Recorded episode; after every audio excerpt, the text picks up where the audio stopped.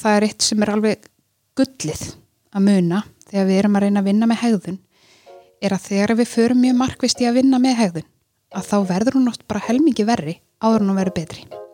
Og þegar hún verður helmingi verri að þá vilja svo margir hætta, þetta er ekki að ganga. En þá þurfum við að halda áfram þurfum að halda áfram að komast yfir toppin til þess að fara niður aftur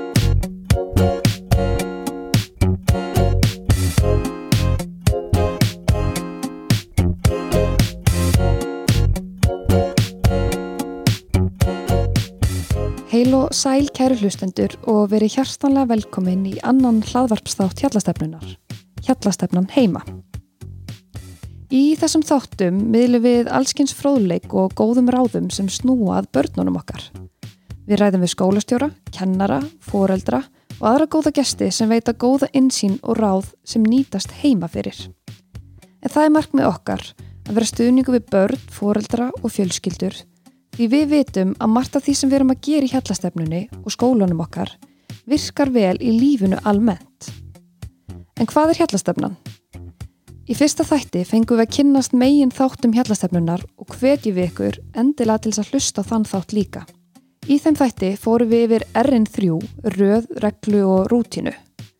En þessi þáttur í dag hveður við sama tón og höldum við áfram að fjalla um aga, jákvæðan aga. En samkvæmt hugmyndum hjallastefnunar er hugtækið ægi og ögun einfallega temjaheið óendalega sterka og máttu af frumafl sem öll börn koma með í farteskinu inn í þennan heim. Og það er hinn guðdomlegi vilji. Bara, halló. Já, á ég að byrja á því að kynna okkur. Já, kynum okkur. Góðan daginn, ég heiti Svanhildur Greta Kristjánsdóttir og með mér er... Hrafnildur Hafstinsdóttir. Bara gaman að vera að koma með þér aftur í stúdíu, Svanhildur. sömu leiðis. Þetta er búið að vera svo skemmtilegt og gaman að vera strax komin í að framlega næsta þátt. Sérstaklega eftir viðtökurnar á fyrsta þættinum. Bara takk eh, kæru þið og bara kæru vinnur og vinkonur og allir innan hjallastöfnunar sem og utan. Það voru frábærar viðtökur við fyrsta þættinum og við erum ekkert smá ánað að heyra í rauninni hvað, hvað ánum var vel tekið. Þannig að við erum komnar aftur í stúdíu að taka upp þátt nummer tvö. Já, og ég er ekki síður spennt fyrir þessum og já, fyrir efni þáttarinn sem að ég veit að snertir líf mjög margra. Já. Er það ekki? Jú, eh, sko það sem við ætlum að taka fyrir í dag er ægi og hún Sigrún Giða sem er leikskólastjóri á leikskólanum Akri hjá Hjallastöndunni, hún ætlar að koma og við vorum heil lengi velta fyrir okkur svona hvað ætti að vera næsta viðfangsefni og hún er í rauninni bara hafsjóra upplýsingum þegar það kemur að aga.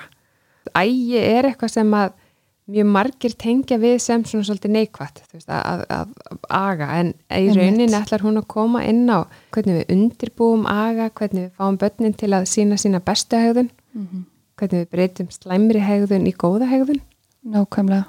Og líka þetta sko að hvernig ægi er frelsi. Það hljómar eða svo okkur sem að mótsögn en Já, það verður rosa gaman að heyra frá henni því að ég veit að það er svona þetta snýst alltaf um að búa til einhver, einhver dramma til þess að ringir hún, hún er Já. rétt á komin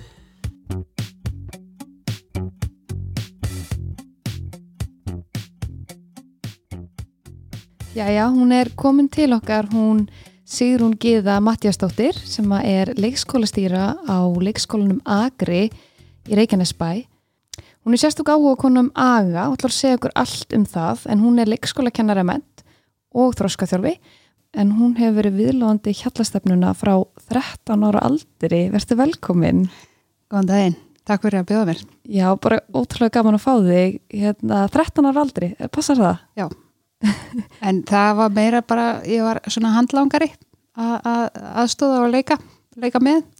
En pappi er náttúrulega búin að vera viðlóðandi hjálpstefnuna frá Örófi Alda. Þannig að ég held að þetta hefði verið svona þægilegt að koma mér fyrir með, á meðal. En nú segir okkur bara svona þess frá þér og hvernig þú byrjar að starfa í hjallstefnunni. Ég er komin af kennurum og, og ætlaði að vera eitthvað allt annað heldur en manneskja í, í, í svona starfi.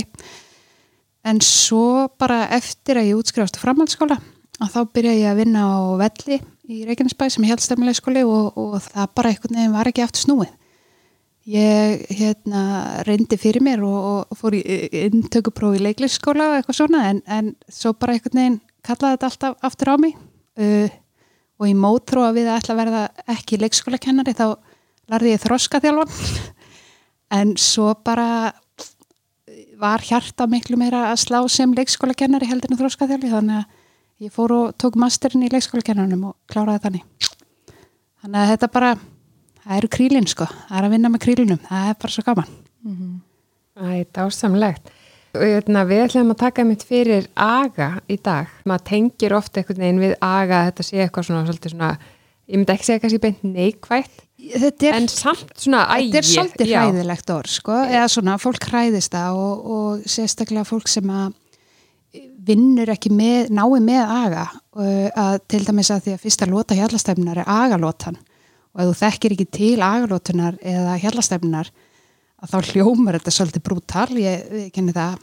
Um, en, en ægin er bara svo fallegur af því að, að við gerum þetta allt í gegnum kærleika og kærleika og ægi haldast, haldast í hendur.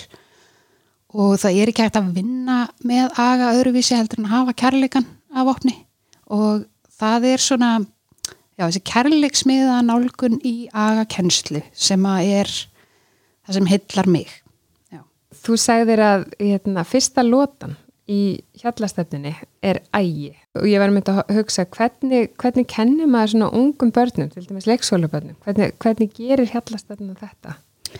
Sko, skemmtilega við hérna agan og agakennsluna er að þetta er einhvern veginn svona upphæfið af öllum, af því að með aganum þá ertu að temja þér virðingu fyrir sjálfur, virðingu fyrir öðrum og með þessari virðingu að þá getur einhvern veginn fallega starf hafist. Og litlukrílin þau eru bara veist, þau eru einhvern veginn rauðregla og rútina út í eitt. E, og þau eru með flottustu ræðinar litlu krútin með stóru bleiubossina haldandi stél. Og, hérna, og það er einhvern veginn bara ef þau vita að hér á ég að setja og þá setja hér. Það er meira sko með eldri að þá verður þetta snúnar og þá þarf svolítið að lokka þið til þess að það sé það er eitthvað við það að, að fara eftir settum reglum af því að, af því að ægi einmitt sko já það verður að vera þessi kærleikur það verður að vera eitthvað markmið með honum og þú verður að hafa eitthvað áfinning af honum. Það, það má ekki bara vera af því bara. Þetta er reglan af því að þessi regla var sett hérna á öru og þú veist fyrir lungu síðan og við höfum haldið henni og við vitum ekki eins og nakkur nér það er ekki ægin sem við erum að leita við viljum að þetta sé skýrt og við viljum að þetta sé skilmerkilegt og við viljum að þau skilji af hverju við löpum til dæmis í röði gegnum húsið. Jú, það er bara vegna þess að þegar við erum með eins og agri 137 börn og ef við erum öll að fara eitthvað og við erum í röðum, þá bara gengur það rosalega vel fyrir sig. E, þannig að þetta er svona praktík líka að, hérna, að þetta skangi bara vel e, og hérna, ég man ekkert hvað spurðið með það. Nei, það er bara en þú er búin að svara því okay. þegar ég var um þetta spá í veist, hérna, munurinn á því að kenna svona ungum börnum aga og eldri eitt af því sem að mér finnst sko, líka svo áhugavert og það sem þú talaður einmitt um sko, hvað skiptir mestu máli þegar þið eruð að æfa aga? Já, og það er að það sé tilganga með þessu og eins og ég sagði með að raðirnar, það er tilganga með rauðunum og eins og við erum með að hver og einn á sitt plás e, og það er ymmit líka til þess að minga flækjur og áreikstra e, að ef að við virðum það, ef ég virði það að þetta er þitt plás og þá ber ég virðingu fyrir þér og þínu plási og svo ber ég líka virðingu fyrir mér og mínu plási og ægin er svona, þetta er svona fyrsta skrefið í þessari félagslegu kennslu með, hérna, með að virða ég mitt þetta plás sem við þurfum svo mikið á að halda bara setna á lífsliðinni líka að virða hvort annað. Það sem ég geri til dæmis, ég var alveg skelvilegur aðkennari til að byrja með en ég þurfti bara, ég þurfti gera svo vel að bara bretti bermar og verða flinkið í og ég held ég að við gert öll mistökin í bókinni sem að bara er hægt að gera en það er hluti að því að læra um, og svo bara þegar ég fatta að þetta snýst um gleðina, þetta snýst um kærleikan, þetta snýst um að hylla í raun og veru, við erum bara að lokka fram viljan til þess að, til þess að fara eftir einhverjum settum reglum sem er þetta að læra líka inn á samfélagið. Við viljum bú í samfélagið þar sem við virðum hvort annað. Um, og þá ég kenni aga mest megnis í gegnum alls konar fyrirmælaleiki. Og mér finnst leikinnir vera svona besta leiðin til þess að kenna, þú veist kenna þeim að fara eftir fyrirmælum. Um, og síðan gerum við náttúrulega líka bara leiki út úr þessu, við erum kannski ætlum að vera flottasta rauðin á Íslandi. Og þá kannski förum við og ég gera það þannig að við byrjum bara á fyrsta skrifi og síðan verður þetta alltaf floknar og við erum kannski farin að skrýðundi borð og hoppa yfir eitthvað í rauð halda rauðinni og þá verður þetta svo spennandi og þetta verður skemmtilegt. Uh, og, og það er einhvern veginn svona galdrin við það að hafa agan skemmtilegt. En nú er ég náttúrulega að tala um aga í skólahópi. Uh, að aga barn heima og að aga hópa börnum er bara tvent ólíkt. Það er eiginlega ekki hægt að byrja það saman. Barnið heima versus barnið í leikskólanum í þessu ofinbæra umhverfi að það er bara eins og við í vinnunni og við heima. Þetta er bara, erum þetta eru bara tvei raunveruleikar. Þannig að það er munu þar á og, og ráðin sem virka fyrir kennara er ekkit endilega ráðin sem virka alltaf fyrir fóreldra þannig að það er svona, það er alveg styggsmunur þar á. Nú á ég þrjástelpur og eitt af því sem að mér fannst takast alltaf svo vel í skólanum var sko, þú veist, ég fekk alltaf rósi að það er borða allt og hérna eru rosa duglegar einmitt sko að taka til matar og en svo þegar ég komi heim þá ætti ég alveg ótrúlega vandræðum stundu bara til að fá þar sko til að smakka og ég veit að við tvær höfum um þetta rætt þetta og mér varst svo frábært ráðin sem að þú varst að gefa, þú veist, getur aðeins farið inn, inn á það að því að mér varst þetta svo frábært. Já, uh, með matinn að þá er mitt oft er það þannig að börnin borða alveg brjálaðislega vel í leikskólanum eða skólanum og svo ekkert heima eða öfugt uh, sem er mjög eðlilegt þegar kemur að því að, að hérna, með matinn. Að þá eru til alls konar svona gamlar og góða reglur þarna ef að þú skamtaði sjálfur þá verður að klára disknum e, engi matasón þar veist, sem er kannski ekkit endilega að virka og er kannski ekkit endilega það sem við viljum, við viljum ekki að þau píni sér til þess að borða mat sko lungu komin yfir settutilfinninguna og hérna það sem mér hefur fundist best með og þá erum við að tala um sko einstaklingin er að minga þrepin. Að það er einmitt, ef að það er erfitt að smakka að þá er kannski nóg skref að bara að, að finna lyktina að byrja á því. E, og, það, og þá bara verður við að rósa fyrir bara vá vá, þú þorður að finna lyktina í dag, hugsa hvað þú getur á morgun, þú veist, og ég er með þannig að þá, þá er sko kannski að snerta mati með fingrinum ef að lyktinu á mikið, síðan er það að þefa, síðan eru við með sko að, að það er að smakka með tungunni og þá er það bara rétt að reka tunguna í matin og svo er það að smakka með tönnum, þá er sko orðin rosalega hurökk þú þorður að smakka með tönnunum. Og svo bara jafnvel að kingja bita, þá ertu bara komin á næsta level, þú veist þannig að gera þetta bara að Veist, þetta er skemmtilegt, uh, þetta er ekki kvöl og pína, við þurfum að bera virðingu fyrir þessum, þessum hérna, bræðlökum sem þau hafa. Og einmitt að allir sem mismunandi áferð getur verið mjög óþægileg. Þannig að sko, en einmitt að taka þetta þá bara niður í pínlíti skref. Og ef að skrefi virkar ofstórt að finna leið til að minga það. Það er bara, það er svona gull í, í að æfa sér að bora mat. Það eru aðstæður sem að börn eiga erfitt með. Og það eru mismunandi aðstæður náttúrulega. En þú veist, svona helstu aðstæðna sem við þekkjum kannski í leikskólaumhverjunni er til dæmis uh, fatarýmið en, en einmitt það geta verið hvaða aðstæð sem er. Uh, og þá getur orðið svona sprenging og það er bara svona tilfinningalegt meltdown.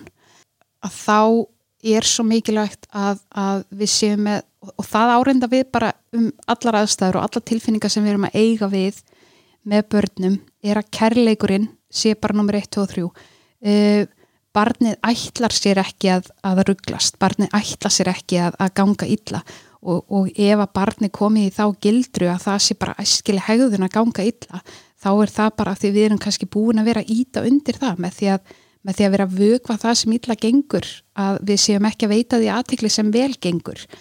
Um, en svo eru það einmitt, það eru þessar sprengingar sem að geta átt sér stað og, og þá skiptir mestu máli að þegar að þær gerast, þær eru óhjákvæmilegar og við sem fóreldrar við lendum í þeim bara vill ég meina frekar mikið oftar heldur en það gerast kannski í skólanum.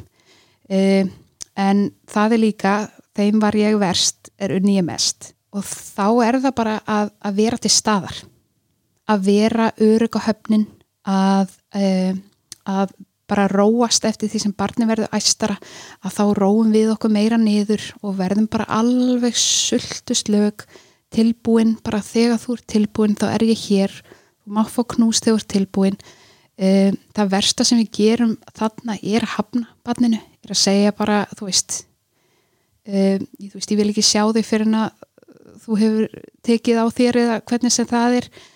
Uh, sem að er sko þessi tæmátt aðferð sem að er oft mælt með en, en er kannski ekkit endilega að virka. Af því að tæmátt aðferðin sérstaklega með yngri börnum gefur til kynna að barni sé með þroskan til þess að meta tilfinninga sínar aðstæðnar og vinna úr þeim. Þú fer í tæmátt fyrir að býta og, hérna, og þá uh, lærur leksíuna þína. En ég er kannski bara þryggjára.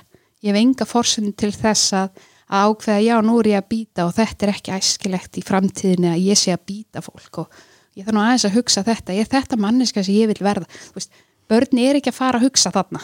En þú veist, þau bara, þau gengur í gegnum og bytt er bara eðlilegu hluti af þroska. E, það er hluti af tjáningamáta. E, þau eru að æfa sig í að nota orðin, í að nota hendurnar. Og byttin eru bara óhjákvæmileg. Við þurfum að vinna með það, já. En við getum ekki ættast til þess að barni vinni bara með það. Besta leiðin til þess að vinna með meltdown er að koma í veg fyrir það. Og það er að þekkja punktana, það er að þekkja triggerana sem að e, bara eins og, eins og Jens að sagði í síðasta podcast sem ég var svo frábært, það var eins og með búðaferðnar e, búðaferðnar geta reynst ótrúlega erfiðar fyrir marga, já ef við komumst hjá þeim æði, en ef ekki að þá þurfum við að undibúa og undibúningur undir það að fara í einhverjar aðstæður sem við vitum að eru erfiðar þá er það bara krúsjál til þess að þetta gangi um, og þá jáfnvel undirbúningurinn að vera með verkefni. Bara að hérna nú erum við að fara til búð uh, við þurfum að kaupa eppli, við þurfum að kaupa egg, við þurfum að kaupa mjölk og við ætlum ekki að kaupa nami veist að það má alveg segja það. Ef við ætlum ekki að gera það og ef að það, segjum að það sé ykkur vendipunktur á því að gangi vel að þá er alltaf að tala um það. Veist og spyrja, ætlum við að kaupa nami? Nei mitt, rétt, við ætlum ekki að kaupa nami bara, þannig að við getum þá svolítið verið með það þegar við förum inn í búðina og svo bara þegar við löpum frá hjá naminu nei, og við ætlum ekki að kaupa nami þannig að við séum að vinna með það start og stöðugt. Líka með sprengipunta uh, það eru grunnþarfinnar er barni svánt? Er barni þreytt Uh, hvernig eru hæðirnar, hvernig hæði barnið síðast hæðir, þetta getur bara allt skipt rosalegum sköpum í það hvernig dagurinn er. Og við vitum það bara ef við sofum illa þá eru við ekkert sérlega vel upplögð inn í daginn. Uh, og það sama á við um krílin okkar að við þurfum bara að vera rosa meðvitið um með mitt að, að hérna að sko fyrst er það grunnþarfinnar og svo getur við haldið áfram í að reyna að finna hvað það var. Ef ég hugsa um, eh, veist, já, þessi svona sprengipunta, þá er svona einn af minnstu kosti sá þáttu sem að mér fannst oft erfiðastur, það var að kveðja á leikskólanum og það er, það er svona svolítið sprengipunktur og, og þar kemur náttúrulega ábyrð fóreldrana inn. Þú veitur aðeins Já. sagt, svona aðeins hérna, gefið okkur dæmi um þetta. Þetta er nefnilega rosalega, hérna, þetta verður alltaf svona stærri og stærri þáttur í fóreldralífinu. Um, að það er sko ábyrðin okkar sem foreldra og ábyrðin okkar á tilfinningunum okkar. Og, og það er nefnilega þannig að við þurfum að vera fullorna manneskjan í til dæmis bara eins og segir í, í fataklefa, ég er að hveðja barnið mitt. Og mér finnst ótrúlega erfitt að hveðja það er bara eitthvað sem að mér finnst mjög erfitt. Og málið er ef ég er að sína það ef að ég er, og mér er sér þó ég halda ég sé ekki sína, en ég bara gjör samlega að hella ástminni yfir barnið, að þá er ég, þá get ég lendi því að ég er að setja tilfinningarna mínar yfir á barni og börn eru bara eins og svampar á tilfinningarnar okkar. Þannig að alveg eins og við ætlum að fara út og skemmt okkur og barni á að vera að fara að sofa. Þetta er bara kvöldi sem barni fer ekki að sofa Fætti, þú veist, þá koma pössinu og eitthvað svona. Það bara klikkar ekki. Það, þetta er kvöldi sem barni er vakandi. En hérna, en það er bara þau, þau skinni okkur svo vel. Þannig ef að ég er stressuð ef að ég er bara á erfitt með hverjustund að þá verð ég að taka á stóra mínum. Ég verð að byrja ábyrð sjálfur mér og ég verð að yfirfæra það ekki yfir á barnin hafa það freka bara stutta hverju um, og, og svo get ég hringt í leikskólan bara hvernig gekk, fatti, það, það er allt í leið. Ef að við tökum ekki ábyrð á okkar einn tilfinningum uh, að þá getum við svo auðveldlega yfirfærtar yfir á barnið. Að það er til dæmis ef að ég verð sári við því að barnið mitt kveði mig ekki þegar það fyrir leikskólan, það bara lappar inn ótrúlega glatt og haf mikið samt að ég fer þá að, að fara á eftir því tók í það og á ekki kissa með mig bless og gefa mig knús og ég elska þig þú veist, ég er náttúrulega íkja. En það, það er samt uh, óþarfi. En þá bara einmitt, það þarf að hveðja það má ekki bara hverfa bara, þá ölum við upp óryggi. En, en að hafa hana bara stutta og bara eigðu indíslegan dag. Bara, þú veist og fara. Það er svolítið mikilvægt um, ef að við hættum ekki þá erum við svo mikið að ringla með tilfinningarnar og við erum að setja ábyrðina á þau yfir okkar tilfinningum. Og það er bara frábært ef að barni mitt er svo örugt að það fer inn og er bara hafmyggsan en svo líka kannski á ég bara barn sem er ótrúlega órugt við verðum að passa okkur þá að þá verðum við að vera fullornamannisken og við verðum að taka ábyrð og við verðum að sjá til þess að þetta gangi vel og við þurfum að vinna það þá líka sérstaklega vel með kennaranum eða, eða þeim sem er að taka móti barninu. Uh, og bara af fenginni reynslu að hafa það stutt, hafa það laggótt, vera búin að semja hverjuna að bara, heyrður, nú ætlum við að bara og þegar ég er búin að segja þetta bara blessastu mín eigðu góðan dag. Og þá verði ég bara að afhenda barnið það er betra heldur en ef að kennarinn þarf að taka það af því, af því þá er ég að bera ábyrg hérna. Þú ert að fara hér, ég treysti þessum kennara og, og síðan þarf ég að fara. Og svo má ég ringja hvernig gekk? Og eftir því sem að og þetta nú kemur svona reynsla leikskóla kennarans eftir því sem að hverjan er stittri þegar hún er erfið að þeim er fljótari barni að jafna sig. Og það er bara, við getum sett sama sem merki á hvað barnið er lengi að jafna sig og hvað fórildrið er lengi að hafa hverðina þannig að þetta er, þetta er rosalega erfitt og þetta er óþægilegt um, en við verðum samt að vera fullorðna manneskja þarna og gefa barninu færa að jafna sig. Við verðum að klippa. Og hérna og, og það, er, er töff. Það er bara mjög erfitt. En þetta á viðum svo marga aðra þætti hvað varðar þessar tilfinningar okkar. Það er til dæmis eins og að barnið er orðið frustrerað og pyrrað að ef, að ef að það er að verða meira og meira pyrrað og ef að ég ætla að vera pyrruð yfir því hvað barnið er pyrrað þá eru við komin í keppni um það hver er pyrraðari og það er engin að fara að vinna þessa keppni. Það tapa allir í þessari keppni. Og þetta er svona bara með og það á líka við um agan að við verðum að gera aðstæða sem báðir aðilar er að vinna. Um, En já, eins og, eins og þú talaður um börn er með ólíkar skapgerðir og þarf þá að beita misjöfnum aðfröðum eftir skapgerðum eða gildir eitt fyrir öll við í hjallastefni erum náttúrulega að vinna eftir þessari stórkoslegu uppeldistefnu sem að hjallastefnin er og hún er þaulhugsuð og forverar okkar í störfum hafa heldur betur unnið heimavinnuna sína og það sem hjálpaði mér hvað mest í aðkennslu þegar ég var að byrja voru típuna þrjár sem, sem er auðvitað ekki lokaði listi og það eru bara til þrjár típur af bönnum það, ekki, það er ekki þannig. En hins vegar getur þetta hjálpa manni sem til dæmis kennara og hjálpar okkur líka sem fóreldru er að, að það er að við erum með vitsmuna típuna sem að er með rauksemda færslur á, á bara þau eru tilbúin og þau við fengja en það finnst þetta ekki réttlátt, þá bara segja það. Og það er nefnilega, það er alveg kannski rétt hjá þeim og við þurfum að skoða það. Síðan er það virkni típan og hún er upp um allt og út um allt og við þurfum að hafa ofana fyrir henni að því að ef við gerum það ekki þá gerum við það sjálf. Og hver veit hvar það endar. E, og síðan erum við með tilfinningatýpuna og þessar týpur eru ekki endilega fastar við eitthvað eitt kyn heldur tilheyra bara öllum kynjum og hérna og við þurfum að mæta þeim þar sem þeir og tilfinningatýpan, hún þarf líka bara að fá öryggi. Hún þarf að vita hvað er næst. Hún þarf að fá henn að ramma. Uh, og hún þarf að fá auka dassaknúsum. Og auðvitað þurfa öll börn auka dassaknúsi en, en sum þurfa það meir en önnur og, og þá þurfum við að leggja okkur fram með það.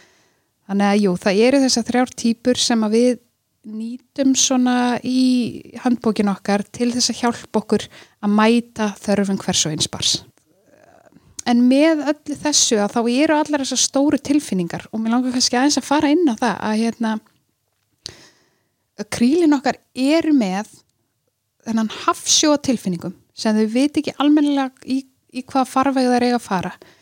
Og þá verður við bara að vera til staðar. Og það er alveg eðlilegt að, að börnin okkar bara upplifi reyði, jáfnvel tvís og þrís ára dag, en þá bara verður við að vera til staðar. Uh, og, og bara eins og litlin minn hann er bara risastórt reyði fjall inn á milli.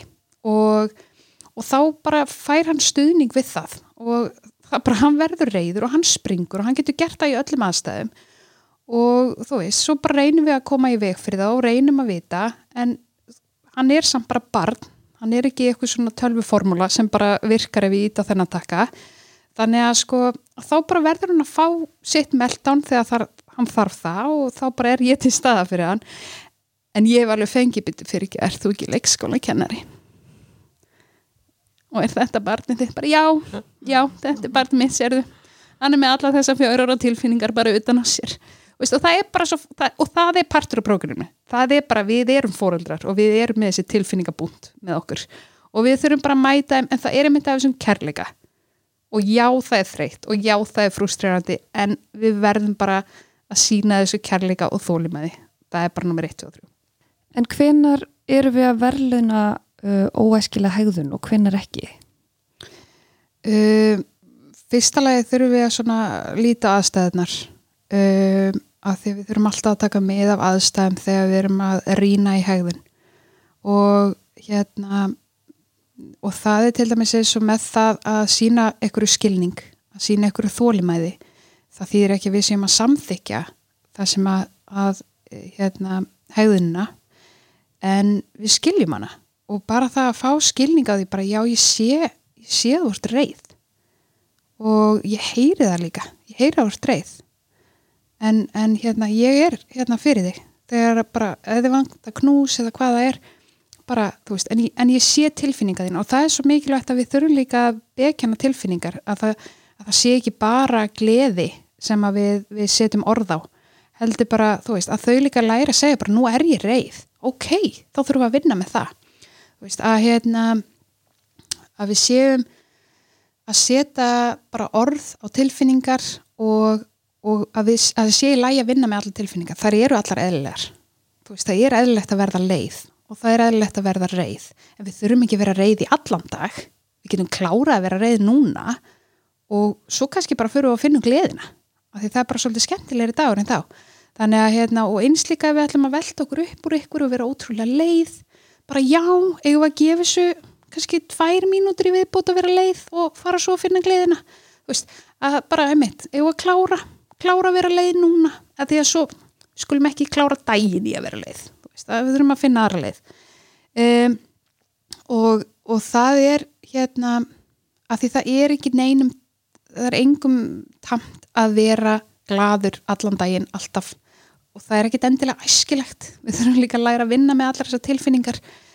Þannig að, að og, og far betra heldur en með litlu krílunum sem eru þessi rísa tilfinningabúnd og og með því að setja mitt orð á þessa tilfinningar e, og bara læra að vinna með þær að þær eru bara alvöru ég sé það, ég sé hvað þú ert að upplifa og ég er til staða fyrir þig.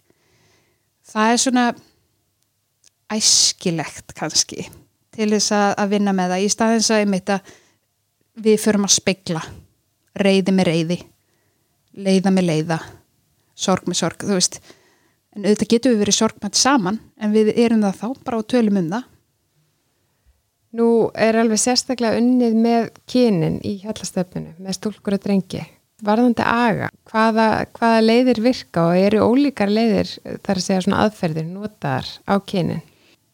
Sko, þegar við erum að vinna til dæmis með aga og erum til dæmis að vinna með aga með drengjum versus aga með stúlkum að hérna með drengina að þá er það sem við kannski kallum handstýring sem að, sem að er svo leikandi létt að vinna með þeim. Uh, að því að þeir bara einhvern veginn eru svo ótrúlega fungerandi líkamlega að með því að leiða þá áfram bara með höndunum uh, að, að hérna við þurfum ekki að nota eins mikið orðin uh, þegar við erum að leiðrétta eitthvað með drengjunum fyrir utan að það getur þá líka bara orðið orðaflóð og alltaf einhvern veginn sama nafnið sem kemur upp. Og það er kannski ekkit æskilegt að því þá verður sá hinn sami blórabögul þannig að einmitt vinaleg leiðrétting bara með því að styðja fallega við aukslina eða hvernig sem það er. Uh, við kallum þetta handstýringu. Uh, með stúlkunum. Ég er nefnilega búin að vera drengjakennar í mörg ár ára en ég fór að vinna með stúlkunum uh, handstýring er ekkit endilega rétt að svari þar. Ég held ég að við móðka bara nokkrar, bara fyrsta daginn í að vinna með stúlkum að því að þeim finnst þetta bara að vera afskiptasemi og upplifa bara eins og ég sé að fara að íta sér eða eitthvað svo leiðis en þá er það þetta samtal og þær eru svo miklu, eru svo miklu spjallarar og það, þær eru svo meira til í að ég segi það sem ég vil í staðin fyrir að ég stýri því eitthvað megin og, og, og það er svona veist, þetta er kannski pínlið hluti en þetta sýnir bara svo hvað, hvað þau geta verið ólík og hvað þetta getur veist, drengjunum finnst þetta ekkit mál að ég stiði létt við aukslina bara til þess að við séum að koma okkur réttan stað. Á meðan að þetta er bara uh, móðgandi. Bara hjá litlum krílu, við erum að tala um tveggjara og hérna veist, þannig að jú, mismunandi nálgun. Það sem við verðum að, að koma inn á er að, að auðvitað er þetta ekki bundi við eitthvað ákveði kyn heldur er það menningin og það er kynjamenningin og drenginir eru hreymanleir og þeir eru meira í þessum grófreyfingum og svona á þessum aldri og stúlkunar eru meira í þessum samskiptaleikjum, þar eru meira að tala og, og þá er alveg eðlilegt að nálgunin þurfi að vera mismunandi. Þannig að, að hérna, en auðvitað veldur það svo bara niður á einstaklingin sko.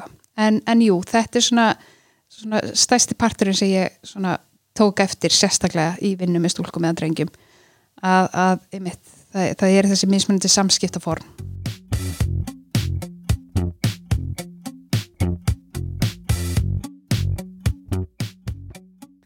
Já, nú er þema þáttarins ægi og einni svona hvernig við getum breytt slæmri hegðun í góða. Hverjir eru líkil þættirnir í því? Það myndi ég segja að væri kærleikur og eftirfyldi. Uh, vegna þess að ef að barn er komið út í eitthvað óefni og eskilega hegðun e, að þá er það sjálfnast eitthvað sem hefur gerst bara yfir einan nótt. Það hefur það á sér líklega langan aðdraðanda, auðvitað getur barn orðið fyrir eitthvað skona tráma og það, það er bara allt annað kapitúli en ef við erum að tala bara um hérna, þá, þá erum við eins og, eins og var sagt frá í síðasta dætti með rauðreglu og rútinu, ef við erum ekki að æfa reglu þá erum við að æfa óreglu.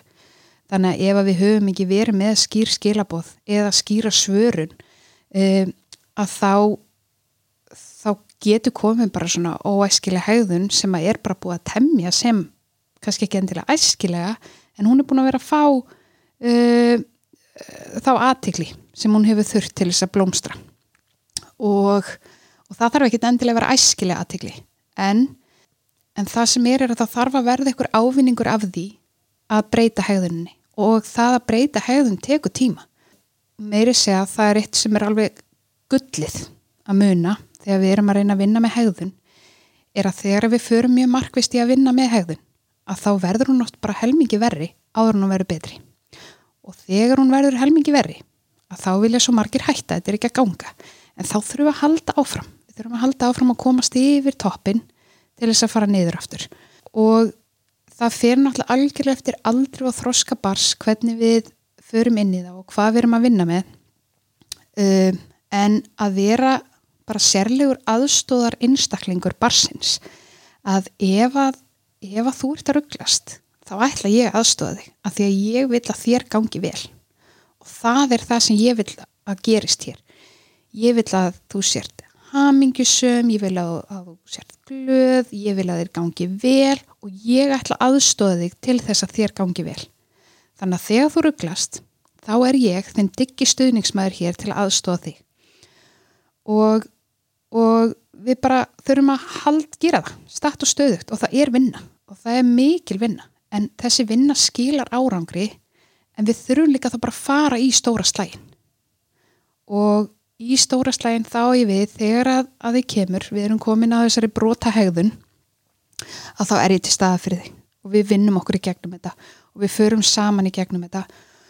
Og ég er þólinnmáð og ég síni skilning. Uh, ég spekla ekki hegðununa þína heldur, heldur ætla ég að vinna, vinna hana með þér. Og við bara prófum að gera þetta aftur. Við gerum þetta bara aftur þangarleita text og það getur oft verið það er þessi endutekning að, og þú veist, nú getur ég tekið dæmi sem er kannski bara eitthvað svona lítið og kjánlegt svo getur við færta yfir eitthvað annað. Dæmi að bar, barnið sagt, ítir félögum þegar það gengur framhjá eða reynir að fella þegar það gengur framhjá. Að þá bara er það allt í lagi. Ég er með svo vinalega hönd að við bara tökumst í hendur og við förum bara aftur og við göngum bara aftur fram hjá vinkonum okkur og vinum og bara núna ætlum við ekki að íta og ef að við slýsumst til þess að íta þá bara gerum við þetta aftur og aftur og aftur þanga til okkur text þetta og þú fær sko ég bara, ég helli við þér hósum af því að þér tókst þetta. Og þér tókst að stjórna hendinni. Það er ekki þú sem ert vondahegðunin heldur með, þú verður að stjórna höndinni þín. Og það er með þetta hegðunin er eitthvað sem við ætlum að laga og breyta en barnið er dásamlegt. Ég ætla að hjálpa þér að fá góða hegðun og vera vinaleg e, og það er með líka bara að nota fallegu orðin okkar, við eigum svo ótrúlega mikið að fallegum orðum, fallegum rósum í íslenskunni sem að, við, þú veist, það er ekki bara sterkur og flottur, þú veist, þetta er fullt, fullt, fullt öðrum orðum. Og það er blíður, vinalegur, umhyggjusamur. Og ég ætla að hjálpa þér með þetta. Og, og það er svona að vera stuðningsmæði nummer eitt. Ég er í liðinu þínu og saman förum við í gegnum þetta. Og það er líka að grýpa þegar barni er að standa sér vel. Og þá er ég bara að tala um einmitt barni sem er svolítið að íta og baka. Að bara svo lápar það fram hjá er hvorki ítan hér baka að ekki taka þessi sjálfs, sjálfs, sjálfsögum hlut. Það er bara, það er sigur. Bara vel gert. Grýpa litlu mómentin af því að það gefið þeim svo ótrúlega mikið sjálfströst að fá að vera grýpin í að vera að standa sér vel þó, þó að sér lítið. Er eitthvað að lokum sem að þú mannst eftir? Svepptími Svepptími Já. Þegar kemur að grunnþörfunum eins og ég hef sagt frá áður það er svo mikið leikilatri fyrir því að dagurinn gangi vel. Um, og þá kemur líka að svepptímanum og það alveg komið til mér fóreldrar sem að eiga bara ótrúlega erfitt með svepptíman og þá er það sko jáfnvel að það sé komin einhver óregla þegar kemur á jáfnvel skjánótkun fyrir svepp svo bara verða börnin eldri og, og það bara er erfiðar að eiga við þau, þau bara ætla sér að horfa á eitthvað og svo bara klukkunar er þetta og fóreldri alveg að bugast og veist, þetta er bara svo eðlilegt að, að, en það sem er er að þá bara við verðum að taka slægin við verðum, það er barninu fyrir bestu að það fái svefni sinn að þá verðum við að semja einhverja reglur og best er að gera það ef að barnið er komið þróska til þess að gera það bara með barninu. Og, og þá er miklu auðveldra að fylgja því eftir. Um, og þá er gott að gera rútinu, veist, fyrst þetta, svo þetta, svo þetta. Fyrst bursta, svo lesa, svo sofa. Veist, og, og jafnvel bara ef að ef að barnið uh, kvartar yfir hungri tíu mínundum eftir að koma upp í rúm eða þorsta að þá er bara rosalega gott að við byrjum alltaf á því að fá okkur bara smá kvöldkaffi eins og kallað heima um mér. Bara kvöldkaffi árum við fyrir og, og klárum kvöldrútina þannig að þá bara við fengum okkur kvöldmat svo fáum okkur kvöldkaffi, það getur verið ávöxtur eða mjölkukeks eða hvaða er og síðan förum við og klárum. Þannig að þá, þá erum við búin útiloka þetta að barni finni fyrir hungri þegar það er komið rúm. Það er svona að vera þá bara einu skref alltaf á undan. Ef við vitum að þetta eru vandamáli við erum þá einu skref á undan veist, við erum þá bara með lítinn eh, hérna skvísubrúsa við náttborðið sem að barni getur fengið sér eitt sóbúr eitthvað svo les um, og við mitt gerum rútina að því að barnið þarf svefnin sinn, það er bara ég get ekki undistrykka nógu vel hversu mikilvægt það er. Þarna er svo mikil þroski og úrvinnsla eftir daginn að eiga sér stað á meðan þau sofa. Og ef að barni er ekki að fá nægan svefn þá er það ekki að geta notið dagsins nógu vel. og þetta verður bara svona vítarhingur og það verða allir þreyttir og það verða allir sp- yfirspendir og fóreldri fær ekki þannig kvildartíma sem það þarf þegar barnið sopnar að kvöldi. En við verðum bara að fara í þessa baráttu við þurfum að klára hana og hún tekur tíma, gefum henni viku, tvær vikur þar sem ég veit að hún verður erfið og síðan erum við komið með þetta í rútinu og við þurfum að búið til rútinu hvað eru við lengi að jafn, nei, læra á nýja rútinu sem fullari fólk við vitum að það er líka svipað. En tökum ábyrðina ég ber ábyrð á því að barnið fari upp í rúm. Þú veist, ef að þú ert fimmara þá bara hefur ekki þroskan sem þarf til þess að geta borið ábyrð á því hvenar þú átt að fara að sofa. Ég verð að bera ábyrðina og það, það er svona stóri punkturinn kannski er að við erum ekki að vera vond fóreldri ef við setjum þetta í fyrirrúm að ég ber ábyrð á þér. Ég veit þú ert ósátt við það að þurfa að fara að sofa en þetta er bara hlutverki mitt sem fóreldri þú bara verður að fara að sofa. Það er bara þannig. Og ég þarf að sinna því hlutverki. Þannig að, einmitt, að bera þá ábyrð og, og taka hana aftur ef að barnið er komið með hana. Bara, nei, herru, þetta ég, gengur betur næst hjá mér, ég var að ruglast. Ég ætla að taka aftur ábyrðin á sömtímanuðinu, bara svo eitthvað dæmi sér tekið. Það sem að mér fannst ótrúlega dýrmætt að heyra mitt náttúrulega bara gullna reglan varðandi agan er að það byrjar hjá okkur sjálfum, það byrjar hjá fóreldrun, það byrjar hjá í rauninni þeim sem ber ábyrðina þannig að við getum ekki einhvern veginn ætlast til að barninu að það fylgi eftir einu eða neinu nema við séum öguð í rauninni í þeim fyrirmælum sem við erum að segja. Algjörlega og líka bara sem fullorna einstaklingurinn þá eru við líka fyrirmyndir í því að rugglast og það er allt í lægi og þá bara verðum við að tala um það bara nú var ég að rugglast, gengur betur næst og segjum bara ég misti stjórn á skapi mínu. Bara, þú veist, nú var mamma rugglast það er svo líka lærdomsritt fyrir þau bara við viðkennum okkar eigin vanmátt og mistök og það er bara miklu fallegra að við eigum þannig samfélag og, og, og samband að, að það má rugglast og það gengur bara betur næst og ég er að æfa mig og við erum öll að æfa okkur í ykkurju þannig að hérna þannig og það má líka bara eins og með matin bara mamma er að æfa sig að borða karteblur en þú ert ótrúlega góðið að borða karteblur en er þetta eitthvað sem þú ert að æfa því að borða þú veist að við erum öll manneskjur og þú veist við rugglumst öll og, og það er bara allt í lægi svo lengi sem við erum tilbúin að vinna með það Þetta séu frábær loka orð. Bara kærar þakkir fyrir komuna, Sigrun Gíða. Það var dásamlegt að fá þig í annan þátt hlaðvarpsins, hjallastefnan heima. Takk fyrir. ég segi bara takk fyrir mig og góða naga Góðan að Góða naga.